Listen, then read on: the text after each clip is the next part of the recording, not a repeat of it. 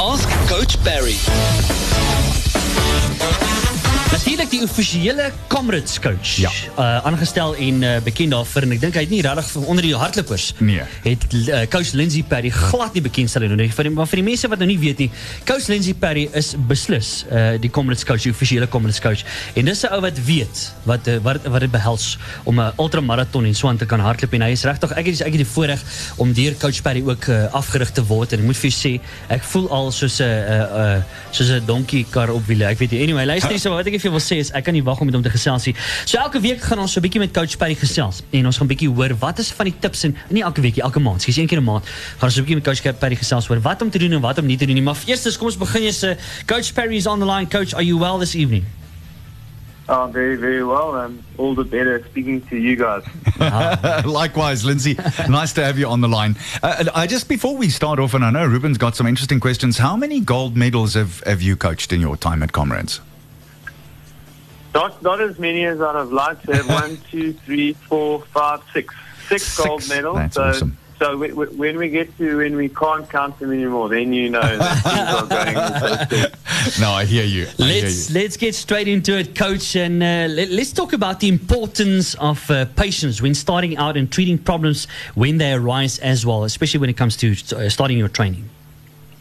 Yeah, so look, I mean, I think that's pertinent because of where you are in your journey. Obviously, you are have comrades as your main goal, um, and that's all, the best part of 11 months away still.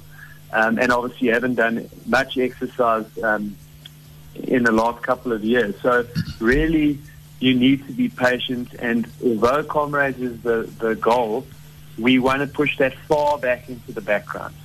And right now, it's just all about baby steps, moving up as slowly as you can, um, and just very gradually increasing that mileage. And if, if we do that, then your body will adapt to the stresses. Your muscles get stronger, your ligaments get stronger, your tendons get stronger, and we really do have a much lower risk of getting injuries. However, the more of a beginner you are, the more of a reality those obvious injuries are, even if you go slow. And That's really what you you're alluding to there. If you do pick up a niggle, if you have a sore knee, if you've got a sore ankle, if it starts to hurt on the outside of your knee in ITB, then it's really important that you stop, get it treated, and then we move we move forward. And even if that means slowing our, our short term goals down a little bit, do that because these first 12 weeks are so crucial in really just laying a foundation and allowing you to go through this process relatively injury free.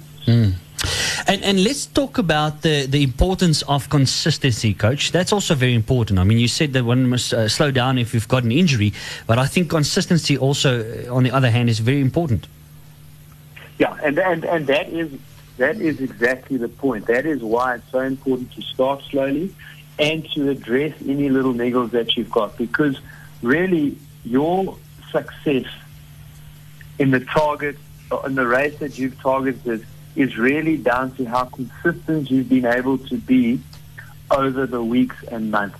Now, if you have a sore knee and you miss one or two days of training and you get some treatment from the physiotherapist and you keep going, that's hardly going to affect your consistency at all. However, hmm. if you get a, a niggle, ITB being a re- and shin splints probably being the two most common beginner injuries, and you, you try and ignore it and think, well, you know, it's because I'm a beginner, it's going to get better, I'm going to push through this. Yeah. You get to the point where you'll then be told, well, hang on, you have to rest for two weeks, you have to rest for three weeks. And two to three weeks of training sets you a long way back, hmm. especially when you're a beginner runner. And that is what starts to impact your consistency because, of course, once you've missed two to three weeks of training, when you come back, now you're panicking a little bit. So then you try and get back to where you were. You do it too quickly, you pick up another little injury. And that's why the patience and treating your little niggles is key in allowing you to be able to maintain that consistency. And you're better off running 40 kilometers every week, week after hmm. week, than you are running 60, 70, 80, 100 Ks one week, two weeks off, come back 60, 60 Ks, miss another week. So that's really what we, we're trying to do is like really groove that consistency so that you train week after week after week, and it's just a very gradual build up. Fantastic. Coach Parry, ladies and gentlemen, thank you so much, Coach, for your time this evening. En uh, as jy dit nou gemis het, ons gaan natuurlik hierdie podcast ook so as jy 'n bietjie later op die webblad te draai gaan maak en jy natuurlik Coach Parry se details daar gaan kry ook om bietjie verder met hom te gesels. Coach Parry, ladies and gentlemen, thank you so much for your time, Coach. We'll chat to you next month again. Absolute pleasure. Look forward to it. Cheers, Cheers, Lindsey. bye. Take care. Cheers.